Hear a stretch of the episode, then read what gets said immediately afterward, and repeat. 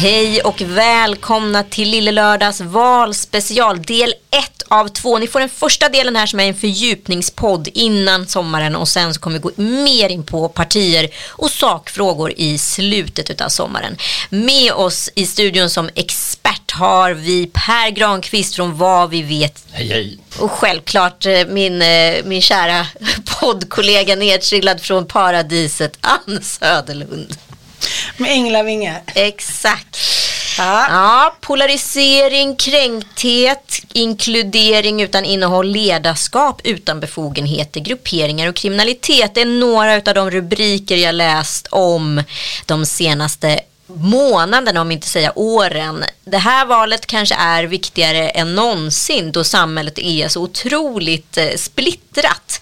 Alltså sen 2000-talet har ju samhället förändrats från ett DDR-Sverige till ett tech-Sverige. Och enligt Carl Benedict Frey som är professor i ekonomihistoria vid Oxford så såg man samma mönster i samhället under industrialismens begynnelse. Vi är alltså på väg in i ett paradigmskifte, en AI-revolution. Samhället står inför helt nya utmaningar i arbetsliv, struktur, välfärd och det här valet kanske vi står inför våra största utmaningar. Det är ett nytt Europa, ett nytt Sverige med 200 års neutralitet som är utsudda. Är ängsligheten som har vunnit eller är det förnuftet vi har fångat? Det är många av de frågorna vi hoppas kunna hjälpa er att greppa här. Med den här podden hoppas jag att vi ska se bortom ledarna och att ni ska kunna formulera era åsikter och värderingar för ett samhälle istället istället för att titta på individer. Välkomna till Lille Lördags valspecial. Nu kör vi.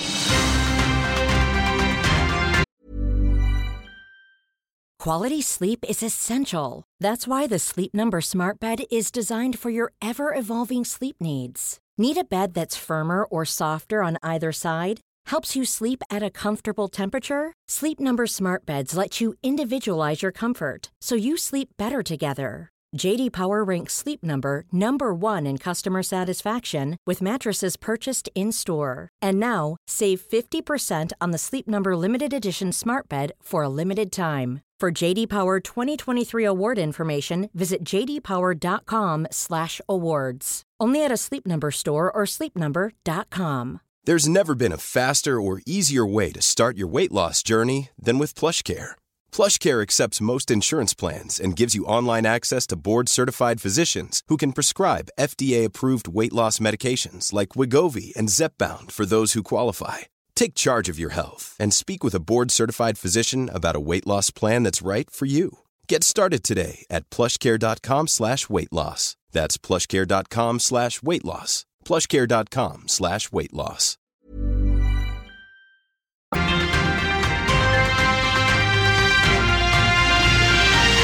Ja, men vi måste ju börja i rätt ordning. Alltså demokrati, vad innebär det och hur såg det ut historiskt i Sverige? Det ska vår historieexpert Ann Söderlund kunna reda ut för er. Men Per, varför ser det ut så här? För att vi vill ha det så här är det enkla svaret. Alltså demokrati är ju vad vi alla har enats om och vad vi tycker är en bra idé och då har vi konstruerat det. Sen tycker många länder att det här är ganska bra att jobba med, att alla ska få rösta och alla vara med. Och det har tagit lite olika tid i olika länder men det enkla svaret är för att vi vill. Och eh, vad vi vet, vad är det för nytillkomna lyssnare som inte har koll på er? Vi på vad vi vet, vi försöker lära dig något nytt varje dag i olika sociala kanaler och i poddar och sånt där vi förklarar saker och ting utifrån fakta. Så vi faktagranskar allt. Så ni är oberoende? Vi är helt opartiska, vi tar inte ställning för något, det får du själv göra. Så därför är jag så här torr och knastig och kommer inte komma med ett enda skämt. Vad ska du rösta på då? Det är en bra fråga. Jag röstar och röstar blankt. För det finns en anglosaxisk tradition som är att mediechefer ska rösta blankt. Att vi deltar i demokratin, men vi röstar blankt då för att jag hade kunnat känna att jag, sa, jag har någon häst i det här racet när vi gör bevakning framåt. Mm, intressant. Jag har gjort den här, äh, ja men man kan ju gå in i olika tidningar på media och göra då eh, ett sånt här valtest. Liksom, var hamnar du om du ska välja? Och jag känner faktiskt i år att eh, jag var så otroligt säker på alla svaren. I vanliga fall brukar man säga, ah, jag vet inte riktigt, hmm. här var det så här, A, B, kryss, 1, två och tre. Jag kände mig väldigt liksom, tydlig i mina politiska åsikter tills jag fick svaret. Exakt, och du är väl emot valbarometrar? Mm. Så valkompasser det är skit, så jag beklagar att du la tid på det därför att de är helt ovetenskapliga. Och det beror på att du, du får svara på massor med frågor som du inte tycker egentligen är viktigt. Du kanske hatar gamla människor för hur ska vi göra med de gamla? Och du kanske vill svara, sätt dem på Shurgard.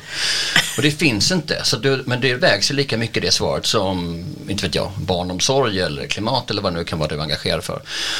Så därför så blir det svajigt och för andra så är det också helt ovetenskapligt. Därför att du kan inte, som det klassiska exemplet att ta invandrarfrågan, där du kanske vill säga så här, ja men det är väl rimligt att vi tar hit folk från andra länder och så ska vi integrera på ett vettigt sätt. Men har vi inte system för det kanske vi ska vänta med att ta in fler människor tills systemet funkar och sen öppna igen. Det svaret hittar du ingenstans. Nej. Um, och det gör att du tvingas ta ställning. Och så finns det en del valkompasser, till exempel Expressen och SVT som förra valet körde med du fick svara emojis. Liksom. För emot invandrare, sur-emoji, glad-emoji och man bara säger på riktigt Expressen, på riktigt SVT. Jag tror att ni kanske underskattar väljarna. Liksom. Men, men du, är- du är väldigt stark, eh, starkt emot det märker. Är det just för att man måste vara så kategorisk? Ja, nej, ja, nej. Alltså menar du att det påverkar ens Det demokratiska o- tanke? Det, det är ju helt ovetenskapligt. Alltså du kan tänka, oj nu, hoppsan, här blev jag vänsterpartist säger du liksom. Mm. Eller hoppsan, här blev jag sverigedemokrat. Det är den här frågan om invandrare som avgör väldigt många valkompasser för övrigt. Mm. Och så bör du tänka dig istället för att börja i andra ändan. Liksom, Vil- vilka frågor är viktiga för dig? Två, Precis. Mm. tre frågor, ta reda på fakta, sen du tagit reda på fakta vilka problem som finns. Då kan du utvärdera partierna. Liksom. Och innan vi går in i en politisk debatt här om sakfrågor så tänker jag att Ann Söderlund ska få berätta om oss lite hur vi rent historiskt har hamnat där vi är idag.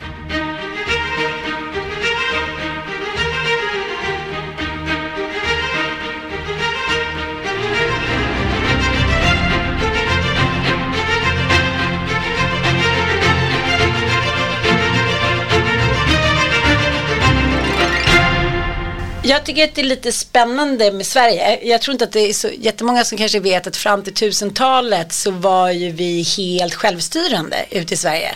Vi kunde ju faktiskt bestämma lite hur vi ville. Eller det gjorde vi ju. Vi inte ens, han vill komma in genast här nu. Ja, och sen så i alla fall så på 1000-talet då förenades vi till ett, liksom, ja, ett land där kungen bestämde. Och vem var det då? Ingen aning, men för det här är svensk historia. Jag är från Skåne, så vi det. var ju danskar fram till 1658. Så, att, eh, Så du kan ingenting innan? Det var. Magnus Eriksson hur som helst. Och eh, kungen utsåg då en rådgivare, Jarlen. Och det är där vi har eh, Birger, den gamla, eh, gamla chimären, Birger Jarl som då var liksom, ja men kungens närmsta man. Och sen har ju lite fram och tillbaka genom historien varit liksom de rika männen. Precis, och 1506 som är Sveriges nationaldag, alltså för 6 juni, då kom ju Gustav Vasa och tillträdde till tronen. Men vad var det han gjorde? För han tog ju makten från kyrkan som jag har förstått det. Precis, han eh, hade ju då liksom ett litet gäng nära sig, en kansler, en statssekreterare och en skrivare. Men eh, Alltså inte en fysisk 3D-skrivare eller färgskrivare. Nej. Han var den första som hade 3D-printer faktiskt. Han hade också eh, ett väldigt snyggt skägg. Mm. Nej, men det han gjorde var väl att han försvagade kyrkans makt och eh, lät adeln komma in i, i liksom, the, limelight igen, vilket då orsakade eh, väldigt hemsk liten händelse, Stockholms blodbad. Stormaktstiden 1611 till 1718 gjorde ju att Sverige faktiskt blev, kan man säga, kan man jämföra med typ dagens Amerikat? Absolut. Vi fick ju mycket makt och eh, det var ju då Gustav II Adolf- som skapade moderna Sverige kan man säga tillsammans med Axel Oxenstierna. Oxenstierna. Ja, men stjärna sa man kanske förut. Skillnaden då mot Gustav Vasas tid att han hade ju inte heller helt ensam makten men nu så styrs eh, landet av nya lagar. 1634 får vi ju Sveriges första regeringsform. Och då börjar faktiskt hända grejer. Då eh, så styr man då, vid kungens sida så var det fem killar som vanligt, eh, väldigt, eh, ja, rikingar såklart. Och de blev då utnämnda till en riksstyrelse med väldigt roliga namn. Drotts, marsk, amiral, kansler och skattmästare. Och de var också medlemmar av det här rådet. Men om vi flyttar fram lite i historien då och kommer in, för det här var ju liksom, precis som du sa, det var han och hans eh, liksom fem polare som regerade lite. Och sen så, men folk tröttnar ju på det här. Eh, så vad hände på 1700-talet? Då dök mina eh, de, jag tänker att det är min favoritbenämning på eh, olika partier, hattar och mössor. Mm. Skulle vi kunna hitta något liknande idag? Kepsar och... Eh... Kepsar och luvor, precis. Jag frågar om det är trucker-kepsar eller bak och fram-kepsar. Ja. ja, men det är i alla fall benämningen på de eh, Sveriges två första riksdagspartier. Det var också under frihetstiden och eh, de företrädde då kan man säga lite förenklat olika samhällsgrupper för de tröttnade bland annat på den här Arvid Horn som var en mycket snygg och hetlevrad beläst ledare då för riksdagen. Och eh, han styrde ju allt det här i hela riksdagen fram till 1738 när då eh, Hattpartiet och Mösspartiet bildades.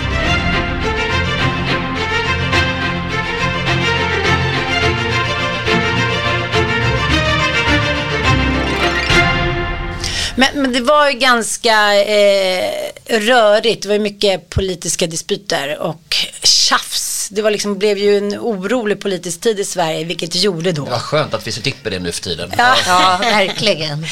Ja, men det banade ju väg för Gustav III då, eh, att han kunde då, efter en oblodig statskupp faktiskt, 1772, kunde genomföra den kungliga ja, makten igen. Mm. Mm. Och det här var ju inte helt oemotsagt. Det är väl det Ankarström och gänget har bevisat här. Nej, de är väl grundsura på honom kan man säga. Uh, men det är, också, det är ganska intressant att den här killen som vi ofta förknippar som en ganska liksom, fjollig operaälskare. Han var ju också en sån otrolig power move. Bara höll på och integrerade hit och dit och fick med sig alla och att kunna göra en oblodig revolution. Alltså att kunna ja, så... lite människor, det kan ju vem som helst göra. Men... Samhället kastades ju liksom lite tillbaka när han kom in i makten. För att han tog ju liksom, tog bort hela det här liksom, regeringsformen som hade precis utkristalliserats och tog tillbaka makten till kronan. Och det här, mm. det här liksom var väl ingen som var helt, tyckte det var toppen. Men vi närmar oss ju ändå 1800-talet. Ja, nej, men det var ju som det är intressant att se honom som ett steg tillbaka snarare än framåt. Han var ju, det var ju väldigt framåt på kulturens område och sen så ett raskt steg tillbaka på alla andra områden kan man säga. Och då kommer ju då den gustavianska tiden, 1772 till 1809. Och eh, nu minskade ju de här fyra ståndens makt rejält, precis som man kan förstå när kungen ska ha all makt. Och eh, då hade, fanns då ett, eh, en liten slogan som vi är mycket för. Kungen, han och ingen annan skulle styra Sverige.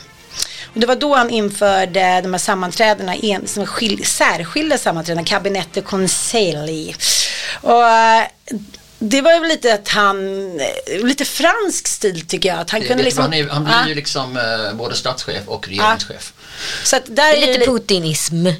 Ja, eller macronism om man så Ja, alltså, absolut. Där kör man ju fortfarande med det. Um, så att det, det, är ju intressant för det är de franska idéerna vilket ju sen leder fram till att vi, när vi är trötta på den gustavianska äran, hämtar en fransman.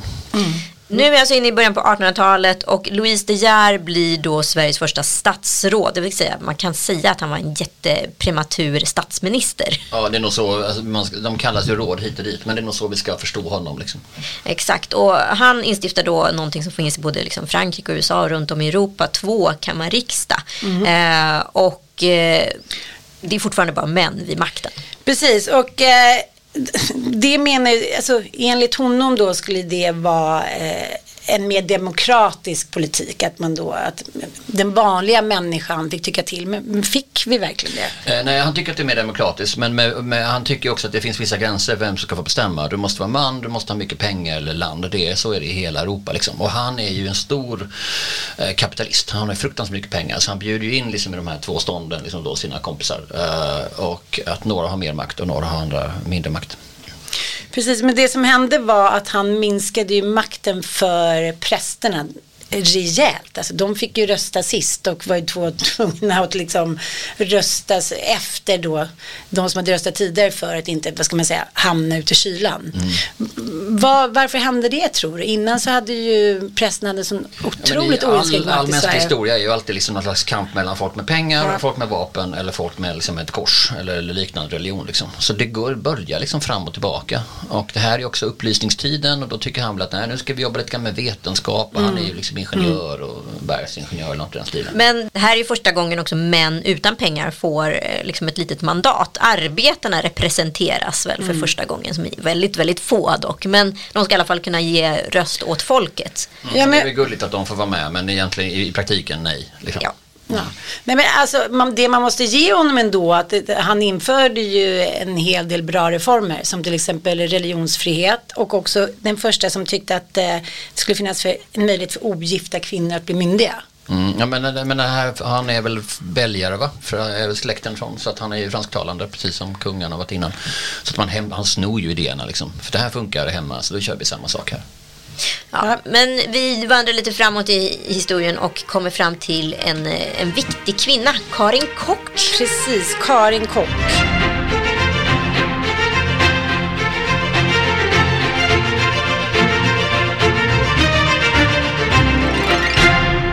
Hade du hört talas om Karin Kock?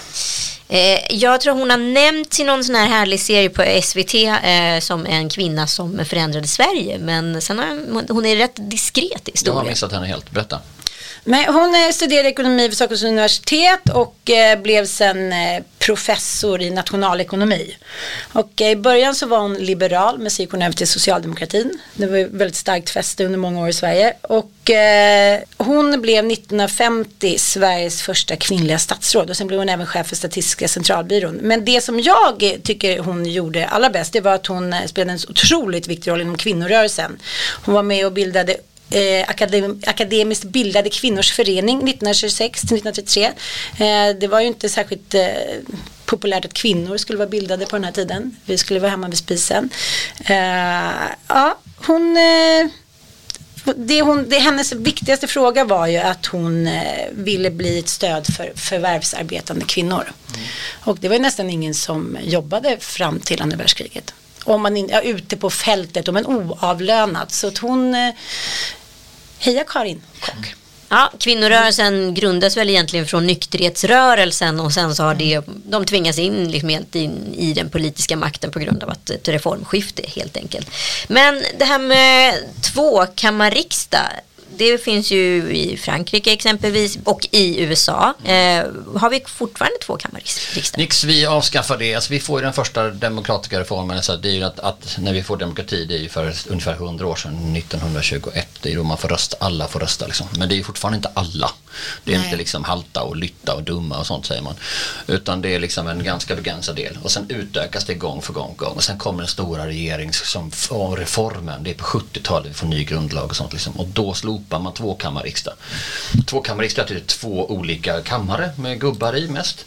Historiskt sett i alla fall. Och sen ska båda två vara överens. Och sen först då blir det liksom lag. Och sen kan man lite olika. Senaten och eh, representanthuset i USA är två olika. De beslutar om lite olika grejer. Det funkar lite olika liksom. Men tillsammans utgör de då kongressen.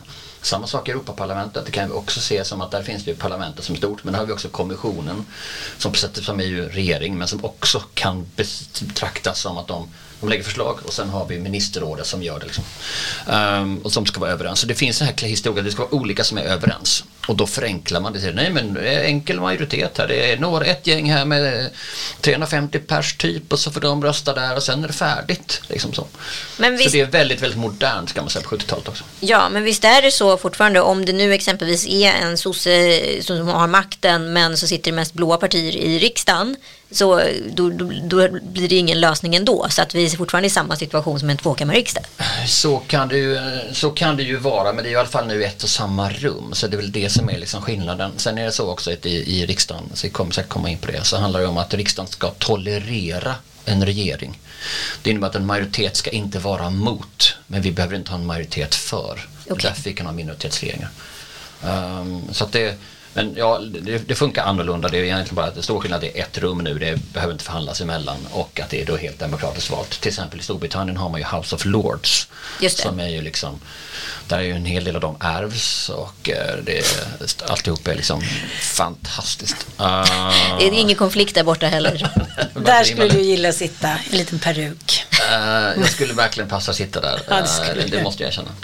Men jag tycker det är ganska intressant, på 70-talet eh, under några år så blev det lite problematik för att man hade jämna, eh, du pratar om det här röstningssättet då, att det måste vara ojämnt för att man må, en, ett parti måste ju vinna, men då det blir lite problematik där, vet du vad jag pratar om? Ja, den 350 genom 2 är 175 och det blir ju stökigt. Jag vill säga, okej, vad ska vi göra nu? Och i senaten där man ju också kan få jämnt, för du har 100 senatorer, där är det ju vicepresidenten som ordförande som då kan fälla avgörande. Men sånt har vi ju inte i Sverige eftersom Nej. vi har avskaffat det. Ta fem minuter, jobba i bikupor och så återkom, bara, bara ett varv till och se om kan det hända något här. Men jag måste ändå säga att jag är ganska stolt över lilla Sverige. Vi var ju faktiskt det första landet i världen med tryckfrihet och off- offentlighetsprincip. Men vad hände sen? Precis, den försvann men vi var i alla fall först. Varför tror du att vi har varit så liksom, långt utvecklade tid, både med, inte kanske, vi för ju sist i Norden med att få rösta som kvinnor, men vi har ändå legat ganska långt fram i demokrati och Norden har aldrig varit feodalt. Det är egentligen enkla svaret. Okej. Norden har aldrig varit feodalt. I resten Nej. av Europa har alltid varit en kung eller något lott eller någonting som sen har haft liksom slavar eller då eh, Livegna. livegna precis. Så även har Statarna sta- i och för sig. Nej, de är inte livegna. Nej, jag vet, Utan men eh, statare eh, får ju då, har ju faktiskt i, på oktoberlovet eller potatisplockarlovet som det hette. Efter det så kunde man faktiskt byta. Du är dum, nu ska jag gå till henne. Så Ja. därför väljer jag faktiskt haft det. Så att vi funnits en sån här liksom, plus att folk i början tänkte väl att vi är så jävla många är vi ju inte här uppe så skitsamma. Ehm, och vi gör vår grej liksom. Eh, och sen så när vi under 1900-talet har blivit att vi varit duktiga på planering. Alltså vi är duktigare på planering än på demokrati. Så då blir det demokrati för man behöver planera. Det är inte så liksom, det här är ju inget samhälle med höga ideal och, och liksom intellektuell höjd. Utan här gör man vad som är praktiskt liksom. Exakt. Bondepraktikan, den lever fortfarande.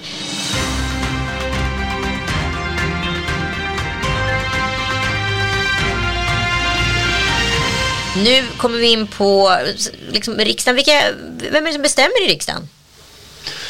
Ja, det kan man fråga sig. Ehm, där har vi ju det parlamentariska läget att vi som regeringen har inte tillräckligt mycket underlag för att vara majoritet utan man är då i minoritet tillsammans med, med, stöd från Miljöpartiet och Centern.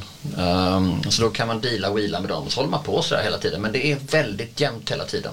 Så vi är inne på de där 175 visavi 174. Och då är det väl jättebra.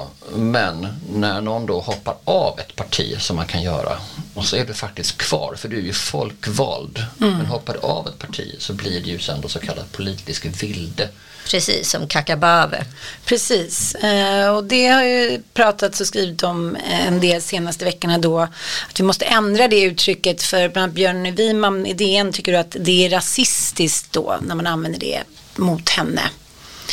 Vad säger vi om det? trams. Att man ska då se någon med, ja, Men det, nej, det där är trams. För exempel, hon är ju politisk vilde. Mm. Alltså, det, man vet inte var hon är någonstans och vad, vad, vad hör hon till och så gör man dealar med henne. Liksom. Sen så nästa val, alltså till hösten, då kommer hon ju åka ut. För du kan Mm. inte bli invald som politisk vilde eller oberoende i Sverige utan du tillhör ju något parti. Så Ja, så hon måste göra sin bästa av sin tid just nu. Ja, det blir ju liksom övergående, men liksom att hålla på med sånt, jag menar, då, då säger det någonting om att man tror att vildar är, alltså med politisk vilde, att vi säger att hon springer runt och har liksom med ben i näsan. Alltså det är så jävla otroligt framtid. Ja, och vi har ju också haft vildar i Sverige. Liksom hela Hälsingland var ju laglöst land. Så det beror ju på vad man får för associationer i huvudet. Så det kanske är Björn Winman som ska checka sin egen politiska agenda.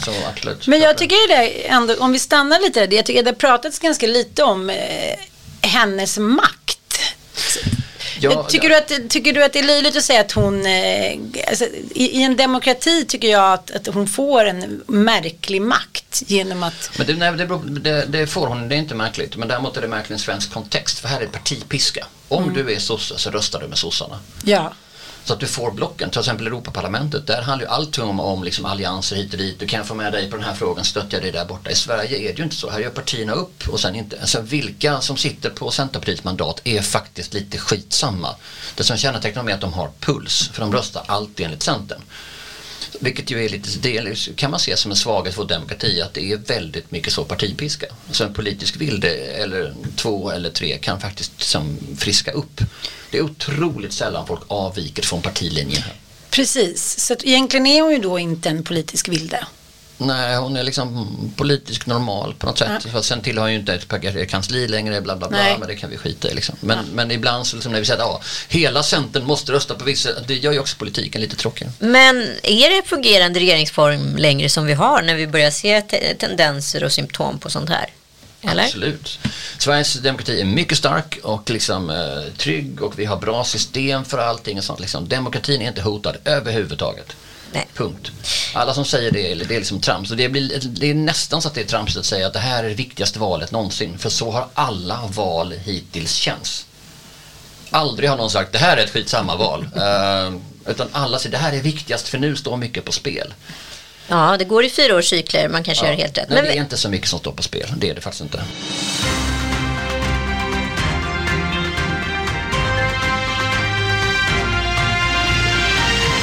Men vilka jobbar då på regeringskansliet? Kanske våra lyssnare undrar. I Sverige har vi då, alltså från eh, regeringen eh, bestämmer ju massa saker och eh, bestämmer en politik som de har stöd för riksdagen. Sen ska den effektueras, alltså genomföras. Och då går man med den till sina eh, departement. Och departement skiljer sig från ministerier som i många andra länder. För där är ju ministern är chef för hela departementet. Så att de både bestämmer och sen utför. I Sverige har ministern en massa folk omkring sig som ger en sen order till departementet. Se till att den här politiken sker, de här målen sker. Men ministern får inte springa in där och kolla, gör så här, si och så. Det kallas ministerstyre. Och det är väldigt, som, det är mycket lagar mot det i Sverige. Så att det är, liksom, det är ganska mycket den här inriktningen och sen får liksom det, det där liksom verket eller myndigheten sen jobba som de vill. Men runt på varje departement måste det sitta sakkunniga och det måste sitta liksom experter och sånt.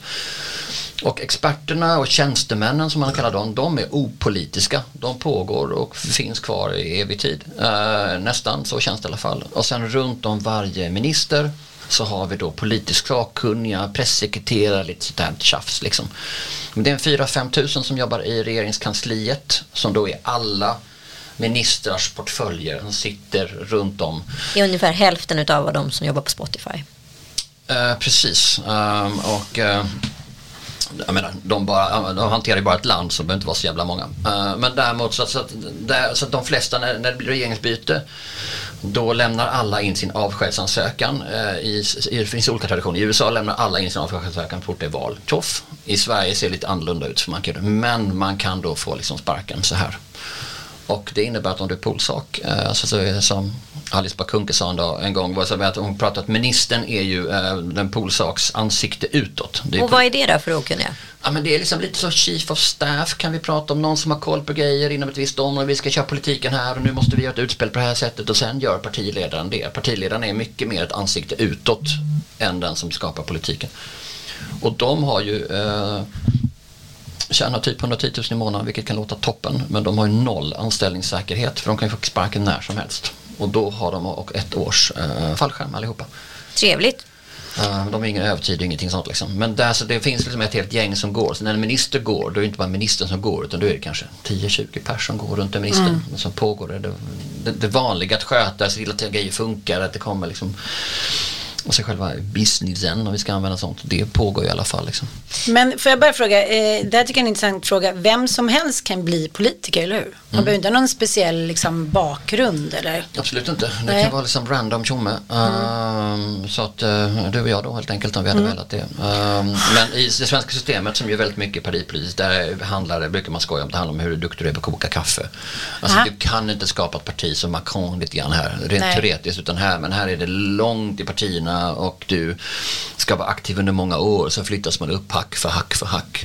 Lång och trogen tjänst. Lite som att börja som eh, diskplockare på McDonalds och så kan du sluta som precis- Det är restaurangchef. väldigt mycket som att börja som diskplockare sen så tar man sig, så småningom får man steka hamburgare. Men på senare år har vi ändå fått de här liksom mer random politiker, alltså inf- politiska influencers när Rickard Herrey som inte är någon folkrörelsemänniska alls dyker in i politiken.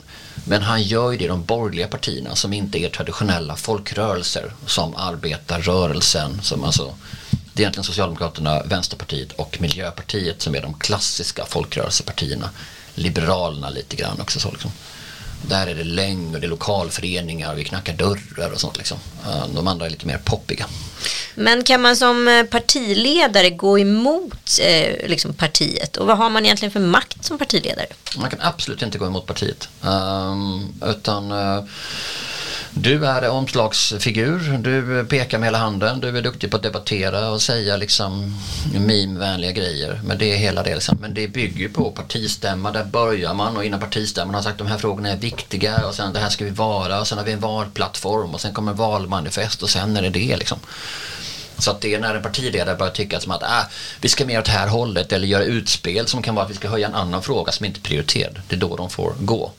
Men jag har sett Angela Merkel kuppa ett par gånger, men jag tror inte hon har haft partiet i ryggen i affekt liksom efter ett Fukushima där hon säger då att eh, vi ska sluta med kärnkraft i, i Tyskland i, under en presskonferens. Hon inte, inte alls hade partiets stöd för detta och det skapade liksom en politisk kris i Tyskland. Kan man göra sånt som partiledare Det i Sverige? kallas att få feeling Anita. Uh, det sker även bland politiker och det gör att liksom alla ministrar som är ute eh, har ju alltid polsakel och pressekreterare som följer dem och bara antecknar vad säger de här? Hoppsan hoppsan, här har liksom skolminister Gustav Fridolin fick feeling och sa någonting. Det är viktigt att vi ska när det gäller funktionshinder. Och de bara okej, okay, fine, då noterar vi det så får vi göra politik. Det är en del av det, så på så sätt kan de ju påverka. Men om du är ekonomisk politisk talesperson kanske också kommer med någon random idé. Um, och är du inte i regeringsmakten då är det mycket lättare att komma med random idéer. Så kan man säga nej, det gick inte igenom för dumma vilket annat parti som helst. Men sitter du i regering så är det liksom har du sagt någonting så får du stå för det och så får man se om man kan göra politik av det. Hur mycket makt har egentligen talmannen? Ingen alls. Um, alltså efter eh, som hierarkin i Sverige, vi har ju statschefen, kungen, noll makt, det är Torekovsöverenskommelsen 71. Han ska bara klippa band, han ska vara med, han ska se snäll ut och han ska hålla käften i politiska frågor. Alltså maskot. Ja, galjonsfigur liksom så. Uh, och jag är ju för uh, kungamakten, inte minst eftersom min svärmor har det bästa argumentet för den. Vem skulle annars bo där? Jag tycker det är väldigt praktiskt. Skulle Magdalena Andersson bo där? Absolut alltså, inte. Det, det blir svinkonstigt. Så nu är de där, låt oss köra på det. Och sen efter det talmannen. Och talmannen har då, framförallt eh, syftet är talmannen att liksom bilda regering. Um, eller se, förstå vem som har mest underlag för att bilda regering. Eller en nivå till, att förstå vem som kan tolereras av riksdagen. Uh, och då har vi de här talmansrundorna när Andreas Norlén bjuder på kaffe. Men han är då vald från ett parti, han är ju moderat från början, men han är, ska sköta det ämbetet opolitiskt och det gör han. Han är väldigt, väldigt bra på det. Och sen så är han ju chef för den myndigheten som är riksdagen. Det är ju hundratals anställda. Och han representerar oss i olika sammanhang och sånt. Liksom. Så han är den högsta, den högst politiskt valda i Sverige. Men jag tänker på att det är ganska intressant.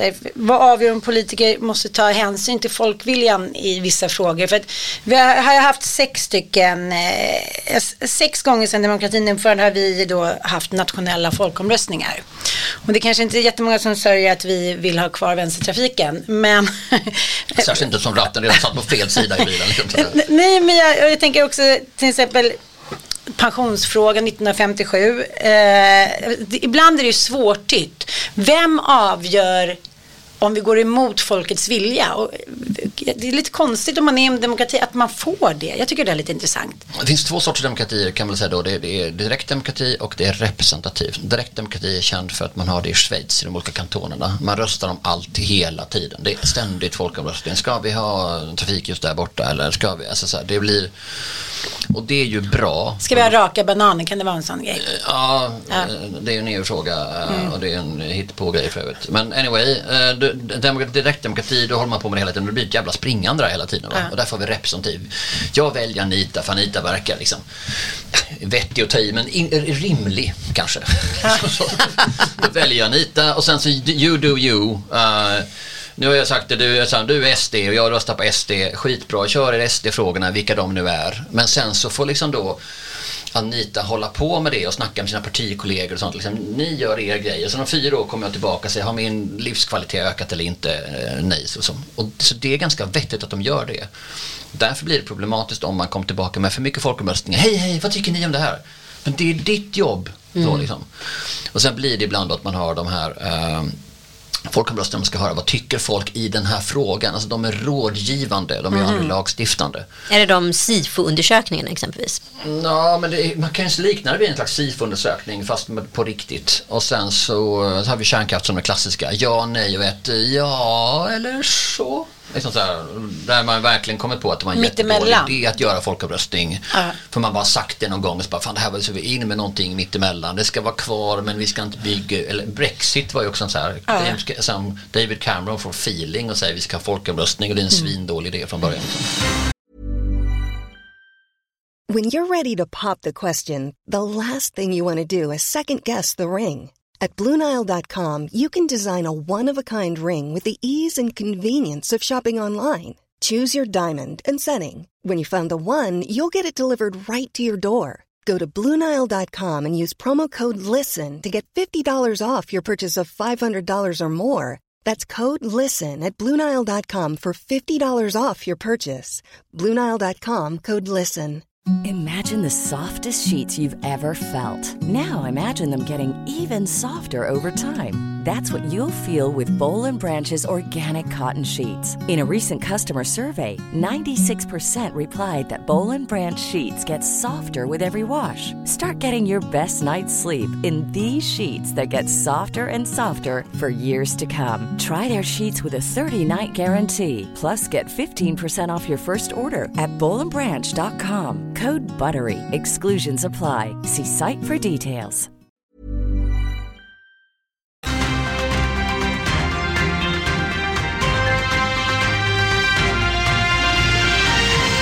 Men, Men NATO då, varför fick vi inte rösta om det? Det känns ju ändå som en viktig fråga. nej, det ska vi inte rösta om. Det, vi har våra politiker, vi har valt dem till det. Sen kan man säga att det här är en helt avgörande fråga på samma sätt som EU när Ja. vi lämnade vår alliansfrihet. Men nu när vi är rädda för att Putin ska invadera oss, eh, det kommer han antagligen inte, eh, men då eh, har man valt att köra det här liksom snabbt. Och alltså jag är inte säker på vad ska vi tycka? Vad fan kan ni om NATO? Kan in- absolut ingenting på en övre Då får man säga att det är det här får någon annan göra en bedömning av. Och Ehm, så kan man ha experter som till exempel eh, Försvarsmakten tycker att det var en bra idé. Det är en rimlig idé eftersom vi har så mycket gemensamt med Finland och sånt. Liksom. Men då har politikern sagt bla bla bla. Mm, mm, mm. Sossarna gjorde en stor grej in sig och sen så bara, ah, nej men vi står för det här. Fine. Jag kan leva med det. Jag tycker inte det är liksom, det, det är inget problem för vår demokrati. Ja. Nej, men eh, alltså, vänstertrafiken, där kan man ändå känna, ja, ja, vi struntade i det, vi måste göra det, det här kommer inte funka längre, det kommer bli för vingligt. Men EU, skulle politikerna kunna gått emot vår vilja där? Där är det en skillnad på så sätt att de skulle kunna göra rent teoretiskt men skillnaden där är att där vi behöver ju ändra vår grundlag. Så att det är så mycket att det, som, det är ju vår, alltså Europaparlamentet är ju vårt andra parlament och det är då över, över det svenska parlamentet. Så att de lagarna är liksom, så vi behövde liksom förändra grundlagen och då är det väl rimligt att göra det. Vi behöver inte ändra grundlagen för att vi går med i NATO. Nej. Men varför har vi så många partier i Sverige jämfört med exempelvis USA? Ehm, vad, finns det, vad finns det för fördelar med det? Det finns ju egentligen inga fördelar att ha flera partier. Um, att ha två är lite banalt. Um, för eller emot blir det liksom. Det bidrar ju till någon slags polarisering. Uh, vad man ska komma ihåg med att vi i Sverige har vi åtta vänsterpartier. För att även det parti som vi tycker är mest till höger, Sverigedemokraterna, har ju en mycket tankar om liksom välfärden och omfördelning av det och vi ska ta hand om alla människor och allt sånt liksom. I USA så har ju det republikanska partiet som är ju deras högerkant, de är så här nej, folk ska inte ha stöd i onödan och låt folk klara sig själva och sånt. Liksom. Det säger ju inte SD allt. Så att hela den politiska spektran i Sverige är ju väldigt mycket vänster. Det räcker ju med att liksom komma till USA och slå på liksom Fox, så, eller streama Fox, så ser man just det, det här är en helt annan världsbild. Um, så att vi har väl, så det är ganska mycket trängsel på så att säga, vänsterkanten hos oss. Um, och det kan man väl ha synpunkter på, liksom, borde Vänsterpartiet och sossarna vara ett och samma parti? Ja, egentligen, men det var för att arbetarrörelsen blev osams någon gång förr och då delade man upp det i två. Liksom, så här, ja, för det får de väl vara det. Liksom. I något annat parti, i något annat område i Europa kanske de är samma. Alltså man kan ju hålla på och så här liksom. KD är ett missnöjesparti med att vi inte hade kristendomsundervisning, kom på 60-70-talet någonstans, okej, är viktigt. Eh, Miljöpartiet, ett slags missnöjesparti över att liksom man tar hand ja det är väl rimligt. FI hade vi ett tag liksom för att folk tyckte att feminism var viktigt då en stund. och så in så kom de och så var det bra. Sen sa de andra, vänta vi är också feminister. Okej, ja men åh, hej då FI så kan vi köra det. Ja men egentligen är ju liksom både KD och Miljöpartiet så här ensakfrågeparti. Mm. Men sen har de ju utvecklat sitt partiprogram. Men liksom, ofta ser man ju de här ensaksfrågepartierna dyka upp då och då. Mm. Eh, Piratpartiet etc. Liksom. Och sen försvinner de. Va, va, varför och händer det här? Ja, det är bra för, det är bra för ett uh, politiskt system att det kan dyka upp och att det kan försvinna. Det vore ju jättedumt om vi sa att det här partiet ska alltid finnas. Uh, utan då är det bättre att liksom, det speglar ju folkviljan och det kan spegla ju dessutom hur duktig man är på att förpacka sina politiska förslag. Så det, det kan tyckas som att vi har lite mycket, men liksom vem skulle man ta bort då? Vilken saknar, vi har ju inget parti som helt saknar existensberättigande. Utan de har ju, för att de är så lika varandra i Sverige egentligen, um, tvingats liksom profilera sig som enfrågor. Vi är för det här eller vi är emot det här.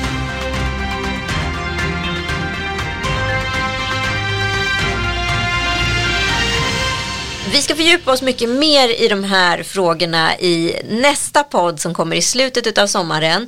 Men nu tänker jag liksom att vi ska försöka reda ut lite hur det funkar. Då. Okej, man har kommit till sitt departement och liksom kommit med ett förslag och så vidare. Men vad händer sen då? Kommuner, regioner och hur ser det ut? Vem bestämmer vad? Alltså, vi har delat upp det i tre nivåer, det är ganska fiffigt. Eh, kommunerna är det lokala, det är den lägsta eh, grejen. Eh, det mesta de gör är skola, vård och omsorg nära dig. Tre fjärdedelar av kommunalbudgeten går till det. Så det innebär att om ett eh, parti har några förslag om andra grejer lokalt som inte är skola, vård och omsorg så kan du lite skita i det. Vi tar ett exempel här då. Eh, Magdalena Andersson står i riksdagen och får ja för att eh, Införa raka bananer. precis införa raka bananer. Vad händer sen? Ja, alltså då, först har det ju då lagts fram. Då kan det vara motion eller om det är proposition. Och vad är det för skillnad? Ja, det ena kommer från riksdagen, det andra kommer från regeringen. Eh, proposition kommer från regeringen som kan föreslå egna grejer. Sen börjar det med förankras då. Vilka är med på det här? Funkar det? Kan vi få med hela det partiet, hela det partiet och den politiska viljan? Bra, Tuff. Vi får igenom det, vi får omröstning, där är det färdigt. Perfekt. Sen går det här då till respektive departement. Uh, det här är antagligen liksom, uh, något departement som har att göra med mat, livsmedel, livsmedelsverket, som, livsmedelsverket tar hand om det här. Vilket departement kan vara lite vad som helst. Men skickar man ett Livsmedelsverket som ska komma med en förordning, nu ska alla bananer vara raka. Och sen utreder de det och ser hur kan man göra det och vad kan Och man hur lång tänka? tid kan sånt ta? De kan ta hur lång tid på som helst. Ibland har ju förslagen också föregåtts av en utredning. Den stora statliga raka bananutredningen. Den kan ha pågått i tre år med en gammal minister eller någon sakkunnig som har lagt så här. Det borde ändra det här. Och sen går det liksom igenom. När man då har röstat igenom och fått stöd för lagen om att bananer måste vara raka. Då går det sen liksom färdigt. Då går det sen till liksom ansvarig myndighet. Um, som sen ska börja reglera det här. Så det kan gå ganska snabbt. Man har en idé, man formulerar, man förankrar bra. Man kanske får uppslutning. Vi ska ha en utredning. Den kommer tillbaka, förslag. Man kan ta en del av dem. Och när du säger snabbt, då pratar vi cirka tre år. Utredningen kan ta liksom sex månader också. Men vilka frågor kan få en gräddfil? För så kan det ju vara ibland. Till exempel samtyckeslagen hade ju, den hade ju ja, nej, ja, nej många år. Sen så helt plötsligt så klubbades den igenom. Vad händer då? Alltså man behöver ju inte utreda någonting. Man kan ju klubba de, de konstigaste lagar. Så att säga. Nu var det väl en helt rimlig lag. Ja. Och den har ju uppdaterats väldigt många gånger Ja. uh, de sista decennierna. Det är ju en av de lagar som uppdaterats absolut snabbast. Vilket speglar att synen på samtycke har förändrats. Men då kan det ju gå skitfort. Alltså det kan gå på några veckor. Ja, Men sen om det är grundlagsändringar, det är de flesta är inte det, då måste det vara liksom ett, ett eller till och med två val emellan. Det jag kommer inte ihåg, så då är det liksom segare. Uh, Men grundlagen ändrar man ju väldigt sällan, utan det är olika mindre lagar. Men okej, men nu har det kommit till departementet. Nu har det då skickats ner till respektive myndighet. får de räkna ut hur ska vi göra det och så får de börja informera de som tillverkar bananer att ni måste ju bygga dem raka. Så så, så det är liksom det, i riksdagen kan gå väldigt fort och det kan ta längre tid. Att göra en utredning är också ett sätt att liksom inkludera folk. Eh, vi tänker som att politik är sakta, det behöver inte alls vara sakta. Nej. Men jag tänker de bananer som är krokiga då, kan de få lite dispens under en tid? Ja, sen ska det upp det i EU och EU säger det i helvete heller, liksom, för vi styr inte sånt, punkt. Och då, nej, då spelar det ingen roll. Men det har man antingen tagit hänsyn till i den här raka bananutredningen att det här är en svindålig idé. Liksom, Ah. Och så dör det där. Okej. Um, för Så finns väldigt också- sällan när det kommer till EU så eh, det är inte så här att EU säger nej då ofta utan Ja, men det, det, EU kan ju säga nej om det här då bryter mot olika regler för eh, fri konkurrens. För man har krokiga bananer i Europa och så. Liksom. Mm, Um, så då måste vi rätta oss efter det. Men om exempelvis Maggan Andersson får igenom då att det ska byggas ett nytt, eh, ett nytt snabbtåg. En ny, helt ny tåglinje som kommer att skära genom Sverige och vilket påverkar då både kommuner och regioner. Hur ser det ut då? Då ska man ju som sagt utreda även det och förankra. Där har vi väl några beslut på det. Men sen kan man nog säga att vi har beslut på det men vi är inte färdiga med hur det ska, hur det ska finansieras. Det kan bli en senare fråga. Ska vi låna pengar för kineserna? Ska vi låna pengar till statsbudgeten? Eller ska vi låna pengar för kineserna direkt till den här? Eller vad ska vi göra liksom? Och sen börjar man då med ett arbete och där kan inte regeringen köra över liksom, kommunerna i det här fallet. Så det är ingen proposition. Nej, de har ju lagt ett, ett, lagförslag där de har bestämt sig om att så här ska vi göra. Det behöver inte vara en lag som säger att vi ska dra snabbväg. Men det kan vara, ehm, utan det kan man vara enig om i alla fall. Och så börjar man utreda det här. I regeringen är ju ändå så, eller riksdagen är ändå så att den klubbar ju budgeten. Så att man kan ju ha ett förslag att vi ska bygga det här och kommer ta en del av budgeten till det här. Så på så sätt är regeringen inblandad i det. Utan att det är ett lagförslag. Och sen så börjar man effektuera det och då börjar man titta hur kan vi dra det, vad är smidigt och vem äger marken och då är det privatägare eller det kan vara kommunen, kommunen som äger och så ska man försöka förhandla det. Men okej, från att departementet får det, då lämnar man vidare då till kommunen exempelvis som första skikt i den nedre skalan. Eh, och vad händer efter det och hur levererar eh, kommunen det här vidare till regionerna och hur påverkas hela näringskedjan?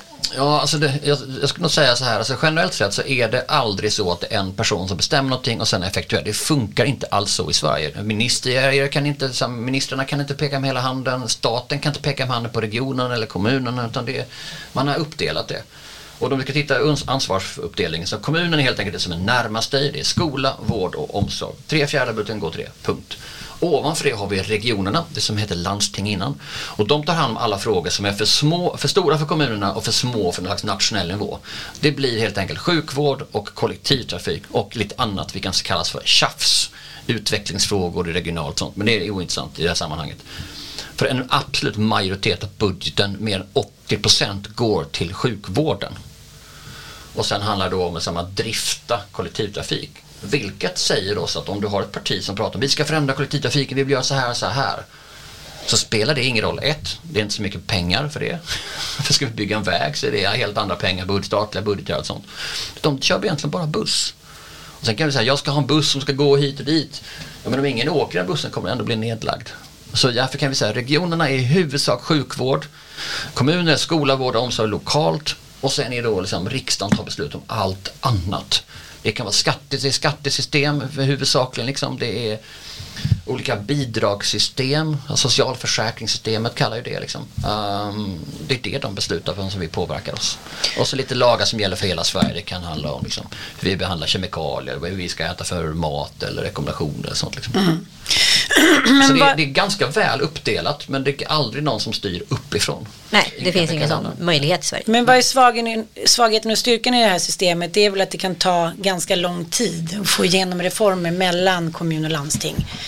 Som till exempel... Egentligen är det faktiskt egentligen inte. Det där är också en myt för att det är, de har ju så tydliga upp, ansvarsuppdelningar. Okej. Så att regionen gör sina saker, kommunen gör sina saker, Landstingen finns inte längre. landstingen finns inte längre, ehm, de är regioner. Och sen så har vi helt enkelt ehm, riksdag och regering och myndighet som gör sina saker. Sen ibland kan det vara liksom lite olika grejer. Styrkan i systemet är att det tar lång tid så det kan inte komma någon med helt galna idéer och få igenom det snabbt. Det är liksom som teoretiskt kanske, men i princip inte för det ska effektueras, det ska utredas. Alltså, vi kan inte få en regering som säger kasta ut alla invandrare och så gör man det över natt. Det är, så funkar systemet. Nej. Och nackdelen med systemet är naturligtvis att man inte kan ändra det så snabbt. Men demokratiska system ska vara tröga. Men så säger att ah, politiken borde vara snabbfotad. Nej, det blir inte säkert. Ja, för då blir den ju också opportunistisk. Alltså den är ju väldigt färgad av samtiden Om vi här och skulle nu. liksom vända oss efter liksom vilken nyck man får just nu och hit och dit. Tänk bara under pandemin. Det är väl superbra att vi bara håller på med en grej och gör en sak. Um, och där är ex- ex- exempel, Folkhälsomyndighetens uppdrag är att ha folkhälsa, inte smittskydd. Det är en del av det, men folkhälsa, tänka på det. De bestämmer, de gör riktlinjer. Där kan inte ministrarna styra. För det hade varit ministerstyre. Så de är en expertmyndighet, de gör rekommendationer. Sen kan regeringen ta och fatta vilka beslut som helst som går tvärs på det. Men man kan liksom inte styra och det är också en styrka i det.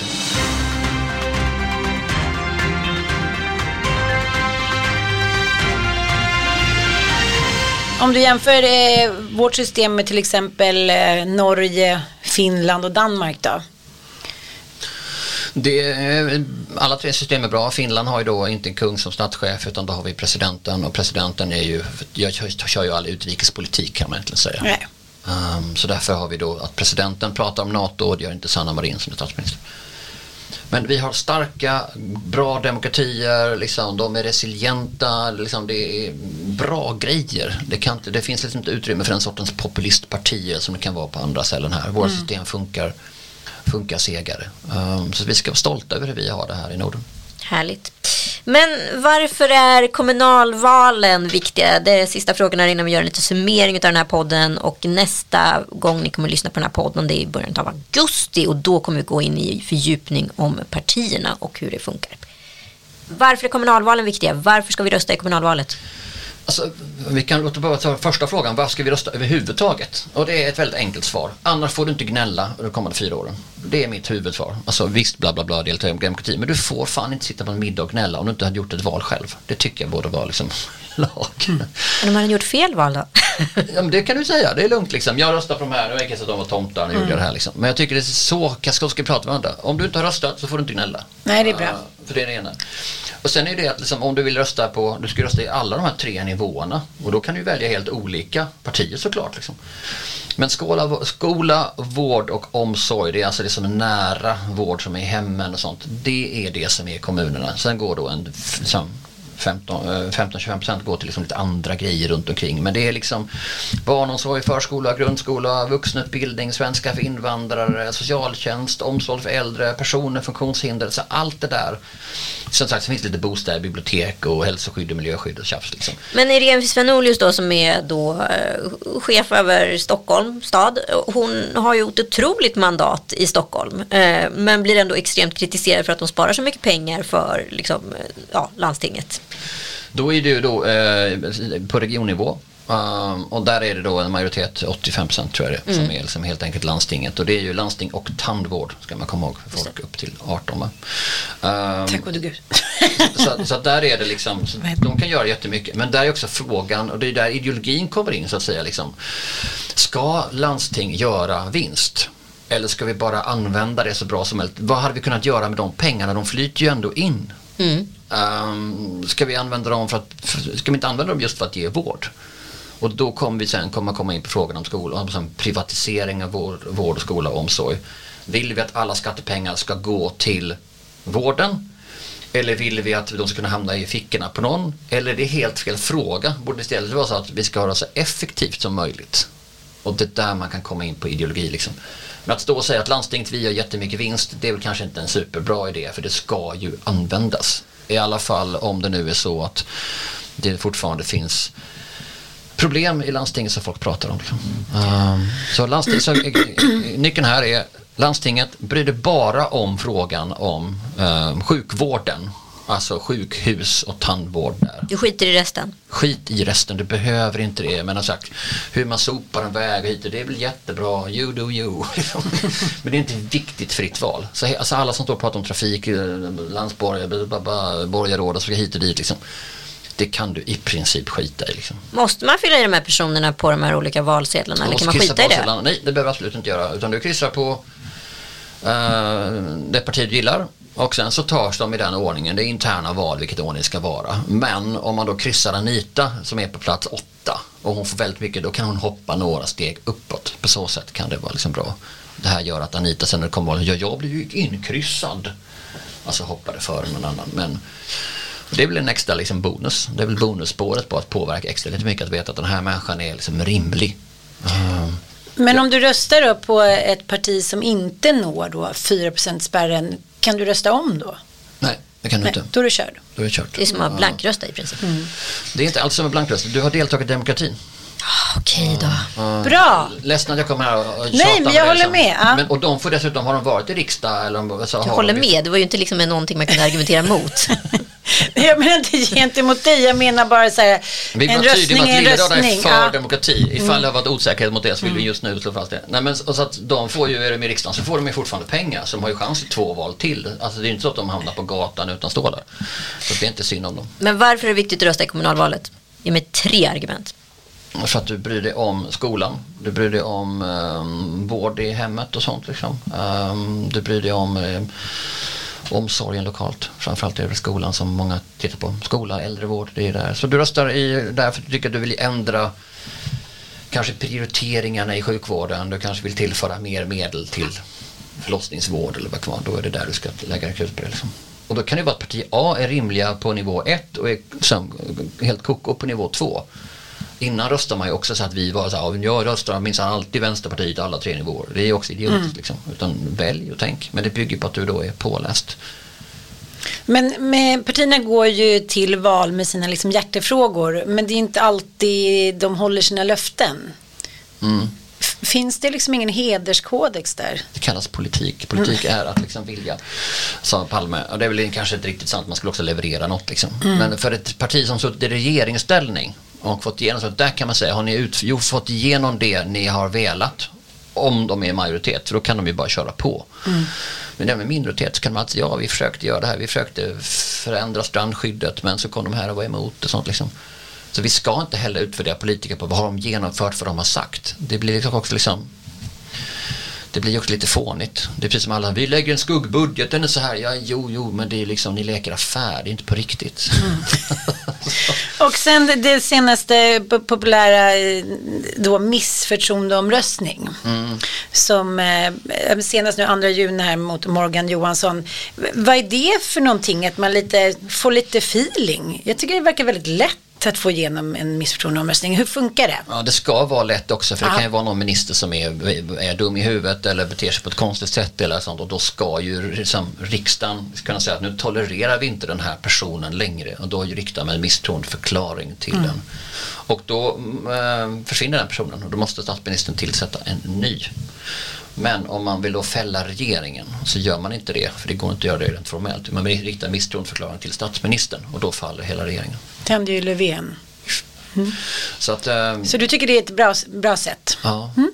Men jag hör ju här, jag är en sån systemkramare så att mm. liksom det, det, det, funkar superbra i Sverige. Mm. Och det är rimligt, ibland kan man bli lite trött på att det är liksom tjafsigt hit och dit men om du slutar läsa rubrikerna i tidningarna Tidningar är väldigt, väldigt dåliga på att hjälpa dig att förstå vad du ska rösta på. Därför att det handlar så mycket om att politik beskrivs som att det vore sport. Ett nollsummespel där en är vinnare och en förlorare. Där vi lyfter fram liksom vissa aktörer som de vore viktiga. Och problemet är också att en del av partiledarna uppträder som sportstjärnor och liksom pratar om Tietero och de toppar laget och sånt här trams. Liksom. Det är sega, långa processer som är underbara och fina. Mm, ryska federationen eller vi kan prata om Moskva men vi pratar aldrig om att Putin har invaderat Ukraina för det har han inte. Det är ryska federationen som gjort det på uppdrag av, på order av honom. Det är en jävla skillnad. Um, och um, Ebba Busch har, som gör ingenting mot någon utan det är partiet som lägger ett förslag som, sen kan hon få feeling i olika sammanhang, det känner vi till. Men vi ska hålla oss för goda för att prata om som både personer. Du kan, alltså alla de här partiledarintervjuerna är också helt värdelösa. För det, gick om du, såvida du tänker, men verkar Ebba som en rimlig person? Och hon verkar väl som en rimlig person, tycker jag. Liksom. Tycker hennes politik är bra? Det är ju en helt annan fråga. Vi får inte blanda ihop det. Men det är ju det det görs exakt hela tiden. Men vi kommer återkomma till det här otroligt spännande ämnet i avsnitt två. Så nu har ni liksom grunden här inför sommaren. Och så hoppas jag att ni peppar för avsnitt två för att det kommer vi gå in djupare på partierna, partiledarna, sakfrågor och så vidare. Och då vill jag ge en hemläxa inför avsnitt två. Det är så här, fundera på två till tre hjärtefrågor som är viktiga för dig. Skit i alla andra frågor. Två till tre, inte mer. Det här tycker jag verkligen är viktigt. Mm, men då måste jag fråga dig, eftersom du eh, eh, du dissar eh, Ja, men du dissar ju att man ska titta på tv och se debatter. Du dissar ju ganska mycket. Var ska då väljarna hitta den här fantastiska informationen som de behöver för att kunna välja? Alltså det krävs inte så jävla mycket googlande för att ta reda på det. Vad är problemen med liksom gängkriminalitet? Vad är liksom roten till det? Mm. Uh, och då tar man reda på om det handlar ganska mycket om förebyggande arbete. Skolor är viktigt för att stävja kriminalitet i Sverige. Det är där det börjar. Ah, då är skolan viktigt. Vilka har rimlig politik där då? Så mm. kan man gå vidare. Det krävs inte alls mycket. Nu, jag kan klart plugga eh, vad vi vet.se val 2022. Där hindrar du jättemycket bra frågor och allt sånt. Men i grund och botten handlar det om att du måste säga, men jag går ut och kollar lite. Och så det... kolla inte på din local influencer utan gör en egen googling. Gör en egen googling. Har du bara en fråga superbra så kan du känna, ja men jag tycker väldigt är viktigt med Eh, raka Bananer och där satte jag ner foten och jag tyckte att liksom, det här partiet var liksom bäst. Och till och med gult i sin logo, då valde jag dem. Liksom så. Idag pratar vi väldigt mycket om just symptomen utav grejer. Vi kollar inte på grunden varför saker uppstår. Så idag, istället för att se, kolla bara på symptomen, kolla på vad grunden, vad är orsaken till varför det har blivit så här. Exempelvis gängkriminaliteten. Ja. Det är inte liksom, kanske alltid lösningen att sätta in hårdare svårt. tag. Det är, alltså, det är verkligen bara en, en, en googling bort. Ja. Uh, och pallar inte det så lovar jag att vi håller i handen på vad vi vet. Toppen. Tack för att ni har lyssnat. Nästa vecka är det normal podd eh, och nästa del av den här podden kommer som sagt i början av augusti. Håll utkik.